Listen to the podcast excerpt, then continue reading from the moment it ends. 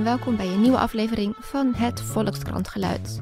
Laura van der Haar hier en vandaag ga ik bellen met Volkskrant-correspondent in Londen, Patrick van IJzendoorn. En we gaan het natuurlijk hebben over Boris Johnson, die net als premier van het Verenigd Koninkrijk is gekozen. Nou ja, wat gaat er nou van terechtkomen en wat voor iemand is die Boris Johnson nou eigenlijk?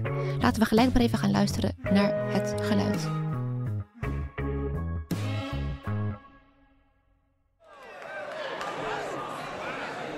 Enige onrust in het parlement. Uh, natuurlijk is Boris gekozen door de partij. Maar hij zal in het parlement de nodige weerstand kunnen verwachten. Hij heeft een hele, hele kleine meerderheid van twee stemmen ongeveer in het parlement. En er is veel weerstand tegen zijn voornemen of zijn idee om eventueel sponderakkoord uit de EU te gaan dat zal een enorme heisa veroorzaken en ook mogelijk uh, nieuwe verkiezingen en een uh, motie van wantrouwen. Hij is uh, zeer geliefd bij de achterban van de Tories. En ja, hij is al jaren de grote lieveling.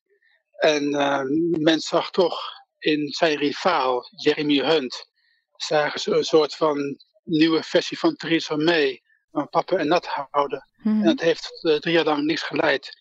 Dus het idee was ook een beetje van, ja, we moeten iemand kiezen die A, populair is, in ieder geval bij een deel van de bevolking, en B, die een hele andere manier van politiek bedrijven heeft en uh, veel meer een soort van gokker is, ja. uh, die veel meer kan bereiken misschien dan de wat voorzichtige Jeremy Hunt.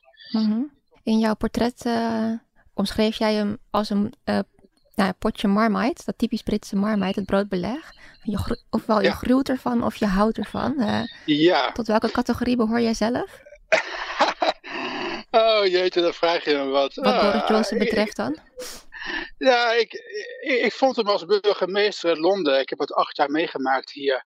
Ik vond het bepaald geen slechte burgemeester uh, in Londen. Hij heeft wel goede dingen gedaan, zeker voor mij als een fietser heeft hij wel veel hm. bereikt. Dus uh, is ook beter uh, vertoeven hier als fietser dan voor Boris Johnson. En hij heeft ook uh, toch zat goed, goed geleid uiteindelijk. Dat is erg meegevallen. Zou het nu ook nog kunnen gebeuren? Ja, ik denk, ja, er is wel een zekere hysterie. Het idee dat hij een clown is die het land helemaal zelfs het beste. Dat is eigenlijk aanwezig bij zijn critici. En als, als burgemeester in Londen had hij wel vrij veel steun. Ook van tegenstanders nog wel. Mm Want hij was toch een hele charismatische man. Hij was feestig. Uh, en dat is wel veranderd sinds het EU-referendum. Dat uh, hij, ja, hij wordt toch gezien door nou, progressieve uh, Britten als iemand die de zaak verraden heeft. We zien hem als toch wel eigenlijk wel van de EU houdt, maar of, of, of zijn eigen, vanwege zijn eigen ambitie heeft een campagne gevoerd tegen, tegen de EU voor Brexit. Mm En dat heeft uh, heel veel uh, kwaad bloed gezet. Met name ook in Londen, waar hij natuurlijk burgemeester was. En Londen is over het algemeen een redelijk pro-EU-stad. Ja. Vanwege veel dus mensen zijn eigen achterban een beetje in de steek gelaten hiermee. Als je hem in drie woorden kon omschrijven, welke drie zou je dan kiezen? Drie woorden. ambitieus, chaotisch en charismatisch. en wat is zijn ambitie? Die... Dat heeft hij nu, uh, heeft hij, heeft hij nu bereikt, die ambitie, die hij al uh, heel lang had, zoals kind af aan, dat hij het land zou leiden.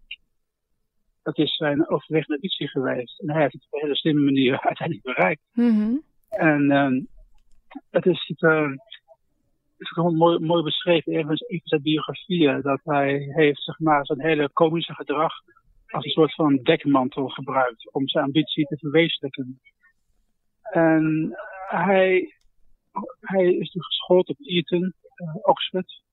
En met een gevoel toch wel dat hij voorbestemd is om het land te leiden. Zag je dat ook al lang aankomen zelf?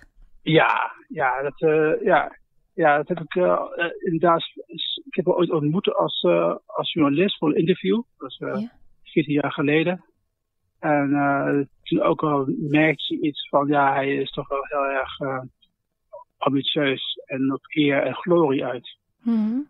En, maar nu heb je natuurlijk een extra dimensie dat hij niet alleen maar premier is, maar ook premier in de zwaarste tijd in het VK uh, zijn sinds de oorlog. Ja. Het is een enorm, enorm karwei. En uh, hij, hij ziet zichzelf ook een beetje als een soort van nieuwe, nieuwe Churchill. Uh, het heeft ook heel vaak bij de huidige campagne laten blijken. Bijvoorbeeld door zijn uitspraak dat het het donkerste uur net voor het morgenraad is. Mm -hmm. Dus de donkerste uur van het land is net voor de zonsopgang.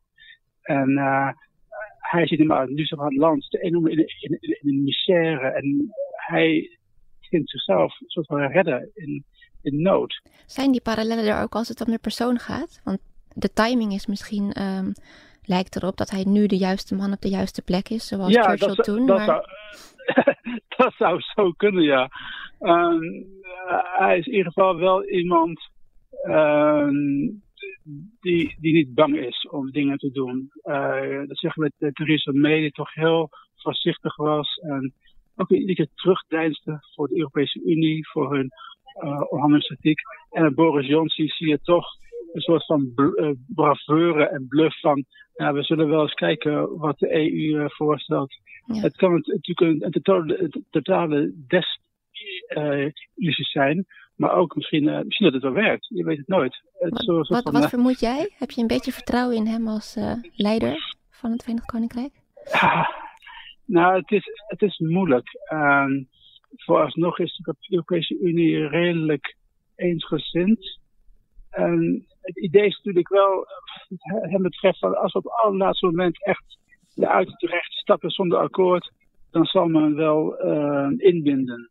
Dat is natuurlijk het, uh, de grote gok die hij wil nemen. Maar en is dat ook, wil hij dat ook echt, of is dat meer een soort houding om. Ja, dat is wel het vermoeden als je kijkt hoe de Britten onvoorbereid zijn op zo'n zo scenario, dan is het toch wel bijna bluff. En dat heeft ook de EU waarschijnlijk wel door. Die, die denken ook wel dat het eigenlijk van bluff is van, de, van, de, van, van Boris en de Britten. Dus ik weet niet of het gaat werken wat, wat Boris wil. En bovendien, wat hij wil, zo'n no deal, dat zal altijd stranden in het parlement. Ja. Dus ik, uh, het enige, de enige uitweg voor hem volgens mij is dat hij nog voor de deadline van eind oktober uh, verkiezingen krijgt, houdt in Engeland. Maar dan is dat ook een soort gok, want hij weet natuurlijk niet zeker of hij gekozen wordt. Precies. Maar uh, het kan ook wel zijn dat, dat hij daartoe gedwongen wordt door het parlement verkiezingen te houden. En dat is een gok natuurlijk dat hij Jeremy Corbyn verslaat. Mm -hmm. uh, Jeremy Corbyn heeft natuurlijk zijn eigen problemen met zijn partij en het antisemitisme en zo. En als Boris dan een akkoordje kan sluiten met uh, Farage van de, van de Partij voor Brexit, dan zie ik wel een scenario dat Boris Johnson een, so een soort van meerderheid in het lage huis krijgt die iets werkbaarder is. Dus het is eigenlijk een soort opportunisme van hem dat hij het hierop laat aansturen? Ik denk het wel, ja. Ik zie, ik zie ook, op het moment is, zijn de verhoudingen in het Lagerhuis zo moeizaam voor elke premier. Dat er, dat er volgens mij geen andere manier is om nog een keer verkiezingen te houden. En bovendien, het als bijkomend voordeel dat dan die deadline weer wordt verschoven van de Europese Unie. Waarschijnlijk tot 1 januari of zo, of 1, 1 februari. Iets meer tijd om nog eens goed na te denken hier in het land. Ik denk, ik zou zien dat dat een beetje voorname scenario is. Dat is toch wel weer verkiezingen en uitstel van, uh, van Brexit.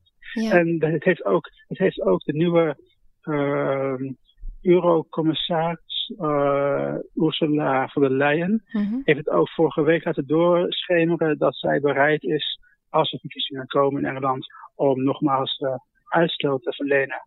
Oh, toch wel? Maar ik zie, ja, ik denk wel, want dat is. Uh, nou, je, je, weet nooit natuurlijk, hè, want de Fransen die hebben wel genoeg, de Britten inmiddels. En, en Boris Johnson heeft de Fransen uitgemaakt voor drollen onlangs. Mm -hmm. Dat niet echt heel erg uh, de gezien is.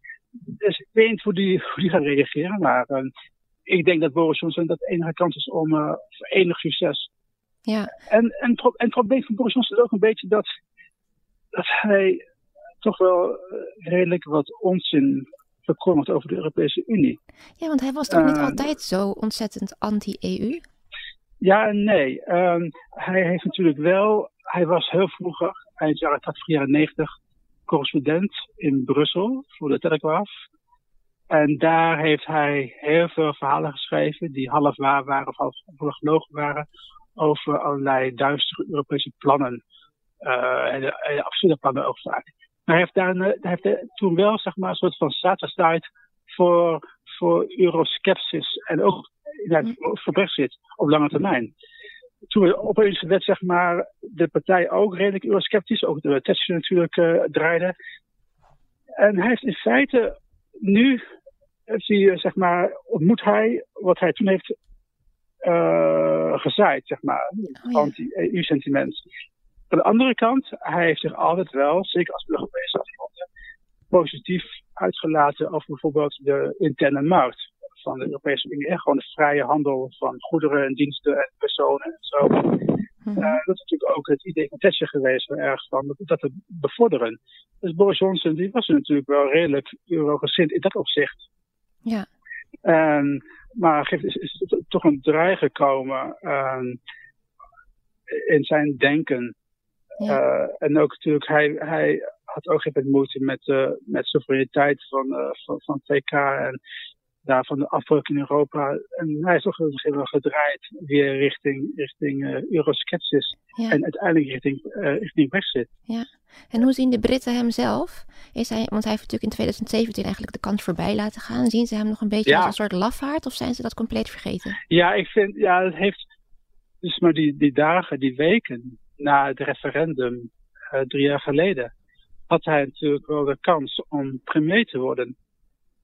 Uh, wat heeft hij toen laten schieten, zogenaamd omdat hij was verraden door zijn vriend, collega Michael Gove, die opeens zich ook geen kandidaat stellen. En toen heeft hij dus zeg maar de weg vrijgelaten voor Theresa May. Toen kreeg hij nog een nieuwe kans, een jaar later. Uh, na de verkiezingen die May in feite verloor, had hij ook kunnen toestaan. Mm -hmm. Maar inderdaad, hij heeft zeg maar zijn spijt betuigd dat hij toen heeft laten afweten. En het is ook wel een soort van reputatieschade veroorzaakt. Van toch met je laf, laf geweest van Boris Johnson om toen niet al meteen op te staan en gewoon al, alles maar te proberen om premier te worden. Hmm. Dus al had hij gewoon doorgestreden, had hij, had hij dan, dan, dan verloren van mee in een soort interne verkiezing, dan had het oké okay geweest. Maar nu heeft hij al van tevoren is hij de strijd uit weggegaan. En het heeft wel heel veel schade veroorzaakt uh, uit van lafheid. Zijn die Britten zelf ook een beetje optimistisch, net als hij? Het, hangt er heel erg af wie je spreekt. Ja. dat is totaal, totaal verdeeld. Ik, ik heb een, uh, ik heb een uh, vriend van mij hier, is een vader van een, een van kinderen van mijn schoonste klas. Dat is een uh, En die vindt het allemaal geweldig. Uh, Borstel en Macht, nu zeg maar, komt de verlossing heel nabij en nu gaat het goed. En dat proeft hij natuurlijk ook ik ben een paar keer geweest bij die uh, constitutieve bijeenkomsten. Er is enorme optimisme onder Brexiteers. Eindelijk hebben ze iemand die aan de macht die erin gelooft. Ja. Maar uh, er zijn heel veel mensen hier die, die, die, die helemaal niet, helemaal niet meer geloven. Ik heb bijvoorbeeld mijn, mijn buren, het zijn allebei eurogezinde uh, mensen, oude, oude stel. En die zeggen, ja, we hebben al nu uh, vijf maanden hebben we geen nieuws meer gevolgd. We worden alleen maar depressief van. We helemaal afge, afgehaakt, afgeketst van de, van de politiek. En uh, ja, die zich echt enorme zorgen maken over het land. Dus dat is, is, zeker aanwezig. En het interessante is juist dat in die drie jaar na het referendum zijn de standpunten alleen maar verhard op mm. beide kanten. Er is helemaal geen tussenweg meer te vinden. Nee. Dus of, of je bent, of je bent voor het intrekken van artikel 50 gewoon bij de EU te blijven. Of je bent uh, om eruit te gaan. Dat is net als en, zoals jij hem beschreef als dat potje marmite. Het is uh, ofwel optimisme precies, ofwel ja, cynisme. Ja, inderdaad. Ja, teleurstelling, angst uh, tegen, tegenover. En kijk, het enige wat Boris vooralsnog als beleid heeft beloofd in, is, is optimisme. Mm-hmm. Hij zegt van ja, uh, we gaan het redden. Ik weet niet hoe, uh, geen details, maar mm-hmm. laten, we, laten we het beste van hopen en van maken. En laten we ook zeg maar zien, wij zijn Britten, we kunnen het wel aan en zo. En de hele republiek heb je voorbij zien komen de laatste weken ja. bij Boris Johnson. Een hele van, we, we, kunnen het wel aan. En dat doet een beetje denken, hij wordt vaak met Trump vergeleken natuurlijk, Boris Johnson. Maar je zou toch eerder denken aan uh, yes, Ronald Reagan. Oh, oké. Okay. Ja, Ronald Reagan, die aan de macht kwam begin jaren tachtig in Amerika. En een soort van heel groot optimisme had. Eh, de tijd van de Koude Oorlog en zo, en uh, Iran-crisis. En ik denk dat Boris daar wel misschien het meest nog mee te vergelijken is. Ik, uh, uh, want uh, Donald Trump, daar wordt natuurlijk wel van mee vergeleken, ook wel terecht. Uh, allebei leiders met een zeker populisme in zich. allebei het idee van moeten we onze naties weer groter maken, Amerika en Engeland. dat is heel erg aanwezig. Maar aan de andere kant, Boris Johnson is natuurlijk een heel ander, andere figuur, in zekere zin dan Donald Trump. Hmm. klassicus, uh, kent zijn Grieken, kent zijn klassieken, is zeer belezen, heeft romans geschreven, boeken geschreven. dus daarin verschilt hij enorm van Donald Trump. Aan de andere kant hebben ze natuurlijk wel een soortgelijke. En ze zijn ook allebei uh, niet vies van een leugentje. De Boris Johnson heeft al meermaals uh, online onwaarheden verkondigd. Boris Johnson heeft een hele vrije relatie met de waarheid, inderdaad. Ja. Dat, dat wanneer het hem uitkomt, zowel in het privéleven, met als in relaties en zo, met vrouwen, daarover leugens, maar ook met de EU. vorige week had hij een toespraak bij, het, bij de conservatieven waarin hij een bepaalde richtlijn over het verpakken van booking, de vis. Oh ja. De, de kippers. Dat hij zei van ja, dankzij de EU moeten we die uh, tegenwoordig uh, verkopen met ijs eromheen. En dat was een totale leugen. Dat is ja, een met alle Britse... van dienen. Het werd gelijk weer gelogen gestraft door de woordvoerder van de Europese Commissie, toch? Ja, precies. Ja. Maar oh, de EU die heeft zoveel te maken gehad met Boris Johnson. Ook toen, toen hij correspondent was in Brussel, hadden ze een speciale functionaris bij de Europese Unie die alle leugens van Boris Johnson moest ontkrachten. Serieus, hadden ze als, als een apart figuur voor aangesteld. Elke, elke dag moesten ze weer uitleggen van nee, het is geen richtlijn, het is geen ijs, het is gewoon een, uh, een, een eh, fantasie. Werkelijk, maar, maar wat zegt dat uh, nou over Groot-Brittannië, dat zo iemand een premier is nu? ja, dat is natuurlijk wel de vraag die, uh, die heel veel mensen momenteel stellen in binnen- en buitenland. er wordt hem enorm veel, enorm veel gegeven, Boris Johnson, zeker dat zijn aanhang, omdat hij toch een soort van toch een, toch een komisch figuur is. Die zichzelf en ook de politiek en ook het land niet altijd serieus neemt. En die vorm van ja, toch zelfspot uh, van de uh, relativering van de wereld, die spreekt wel aan bij een deel van de, van de Britten. Uh, hij, is, absoluut niet moralistisch, Boris Johnson. Hij preekt nooit zeg maar, hoe mensen zich moeten, gedragen qua zeden en qua normen en wat dan ook. Dus dat vinden ze wel leuk hier van, uh, van zo'n leider die niet, niet, niet het les leest, leest en die zeg maar, niet te pompeus is. Dus hij heeft zich eigenlijk het perfecte imago aangemeten voor deze Oh, zeker, ja. Ja, ja, hij is, en dat, dat, dat, is zeker waar, ja. Het is een, een beetje een vrijbuiter en ja, bijvoorbeeld ook al die schandalen in zijn privéleven. Ja, die, de, zijn aanhangers die vinden het allemaal totaal niet erg. Omdat hij ook zelf zeg maar, niet doet alsof hij heel moreel verheven is. Mm-hmm. Dus ja, dat, dat, zal dan mensen ook bezorgd zijn. Maar dat zal natuurlijk wel keren als hij nu een chaos maakt van, van Brexit.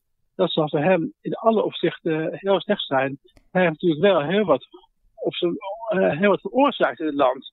Want zonder, zonder zijn steun was, was hij ooit overwinning gekomen van, uh, van uh, de Brexiteers in het referendum. Dus hij heeft wel enorm veel veroorzaakt. Enorm veel onzekerheid, enorm veel uh, angst bij mensen. Ja, want nu... Dus hij heeft, hij heeft enorm verantwoordelijkheid. Want als hij nu faalt, dan, is, dan, ja, dan kan hij misschien een boek schrijven de rest van zijn leven. Want dan hebben we helemaal geen toekomst meer. Dus eigenlijk, dit is nu of nooit helemaal voor hemzelf. Ja, dan heeft hij wel bereikt wat hij altijd al wilde natuurlijk. Ook al is het maar ja, even. Dat, dat wel, ja. Hij is wel premier, want hij heeft zich hij heeft nooit vergeven dat, dat zijn oude studievriend uh, David Cameron, uh, die ook nog jonger is dan hijzelf en ook iets minder uh, intelligent is dan Boris Johnson, die was gewoon premier geworden als eerste. En, mm. en, en, en Boris vond het vreselijk. Dat, oh, ja. dat, dat, niet, dat niet hij, maar Cameron dat werd. Dus er is een enorme strijd gaande ook tussen, tussen die twee karakters, dus Cameron en Boris Johnson.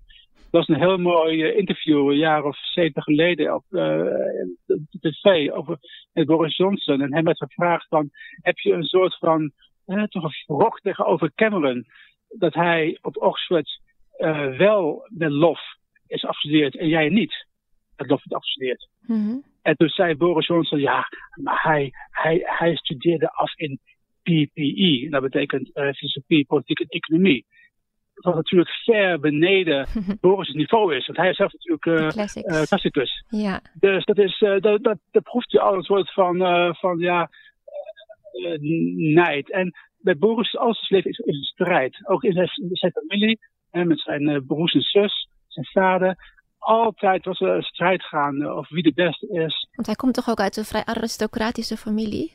Ja, nee. Het is, uh, hij is heel verre afkomst van de prins van Württemberg in Duitsland en van koning George II.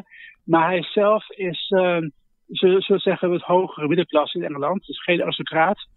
Uh, en hij was ook minder rijk, of zijn familie, dan men denkt. Cameron was echt heel rijk. Oh. Cameron die, uh, die was echt een rijke familie. Maar Boris Johnson, toen hij naar Eton ging, die hele bekende kostschool, een dure kostschool, uh, had hij een beurs gekregen. Want hij had natuurlijk niet genoeg geld, de familie, om hem te betalen voor onderwijs. Dus hij is ook een beursstudent ah, ja. geweest. Ja. Wat natuurlijk iets minder, minder, minder uh, aanzien geeft dan, dan uh, Cameron met zijn. Alhoewel dat ook weer zegt dat je het niet met je geld gered hebt, maar met je hersenen. Precies, Boris. Hij, hij, hij is hartstikke intelligent, maar hij is ook lui. ja. uh, hij, is, hij, is, lui, maar hij is ook. Hij doet altijd uh, tien uur tegelijk. hij schrijft zijn biografieën, hij doet krantartikelen. Hij is minister of MP en uh, hoofdredacteur geweest, alles ook liefst tegelijk. Niet echt het eerste wat je je voorstelt bij een lui iemand eigenlijk, toch? Dat, dat, dat is een hele leuke paradox. Uh, oh, het lijkt alsof hij zeg niks echt helemaal doet, maar alles wil. Ja. En trouwens, hij moet dan wel zijn column opgeven in de Telegraph. Dat heeft oh, die heeft hij nog steeds? In de krant. Oh ja, zeker. Maar dat mag niet meer als, als, als, als, als uh, premier of minister. Dus dat kost hem per jaar een kwart miljoen in inkomen. Zo, maar daar krijgt hij vast wel iets voor terug in zijn nieuwe rol. Ja, hij gaat dat inkomen achteruit. Want als premier krijg je volgens mij uh, twee ton of zo. Ah. Uh, dus uh, hij leeft het in de komende, komende jaren. Ah. Hey, en wat gaat er nu in Groot-Brittannië gebeuren? Want nu, zeg maar, vanaf nu dreigt die no-deal Brexit, die hangt toch wel een beetje boven hun hoofd. Ja. Is, dat nog, is er nog een risico op een soort totale ineenstorting? Ja, ik, ja, wat er is gaat gebeuren is natuurlijk, uh, nu komt er uh, een nieuwe regering, ook een nieuwe mensenregering. En er komt natuurlijk een uh, soort van plan, een aanpak ja. misschien van heeft Boris Johnson. Nou, als het heeft, heeft hij wel geheim gehouden. ik, ik, ik denk dat hij zal, zal toewerken naar een oude droom van de Brexiteers. is namelijk een soort van grens in Noord-Ierland. Het is in Noord-Ierland een grens die geen grens is.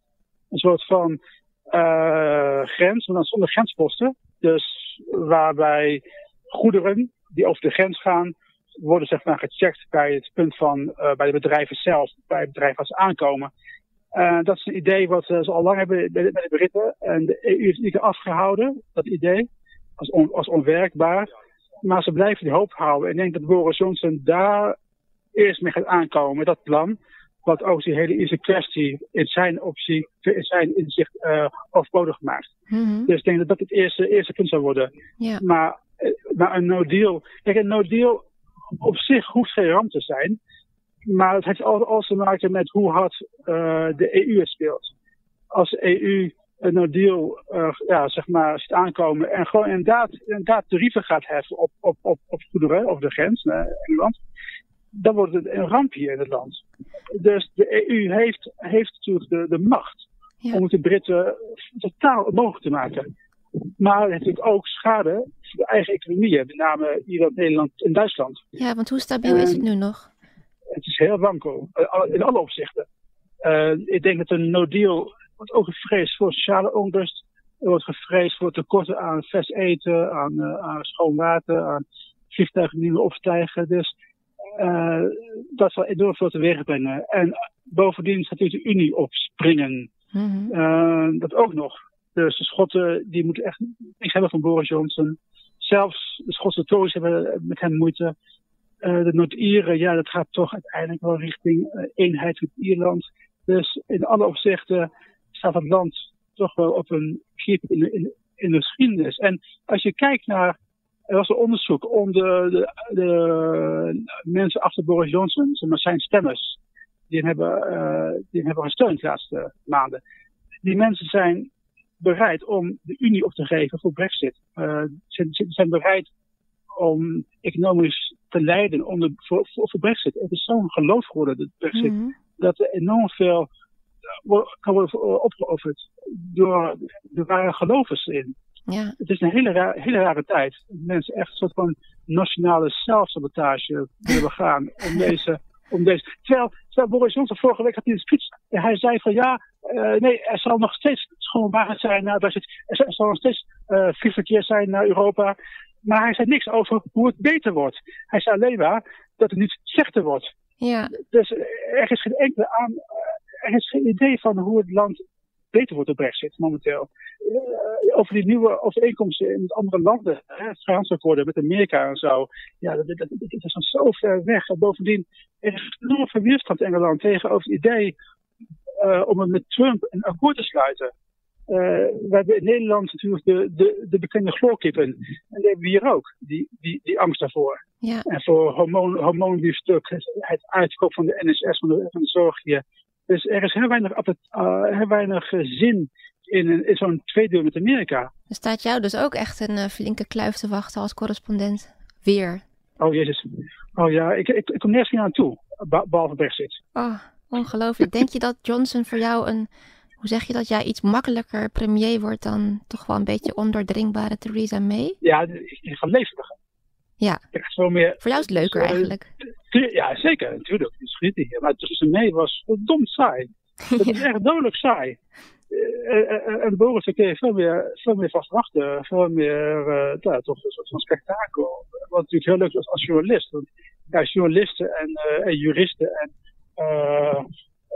adviseurs doen het goed in Engeland momenteel. We hebben tijd van het leven. Dus jij hebt er eigenlijk wel zin in de komende tijd?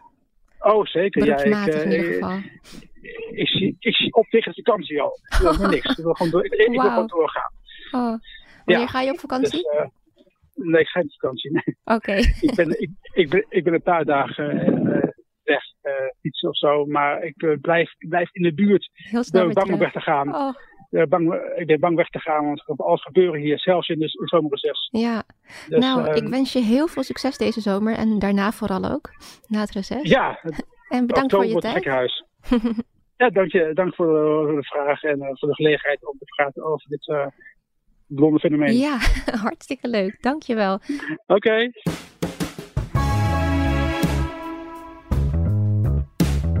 Dankjewel voor het luisteren naar het Volkskrant Geluid. We zijn er natuurlijk volgende week weer. En als je in de tussentijd nou helemaal geen genoeg kan krijgen van podcasts, dan kun je lid worden van onze podcastgroep op Facebook. Tot volgende week.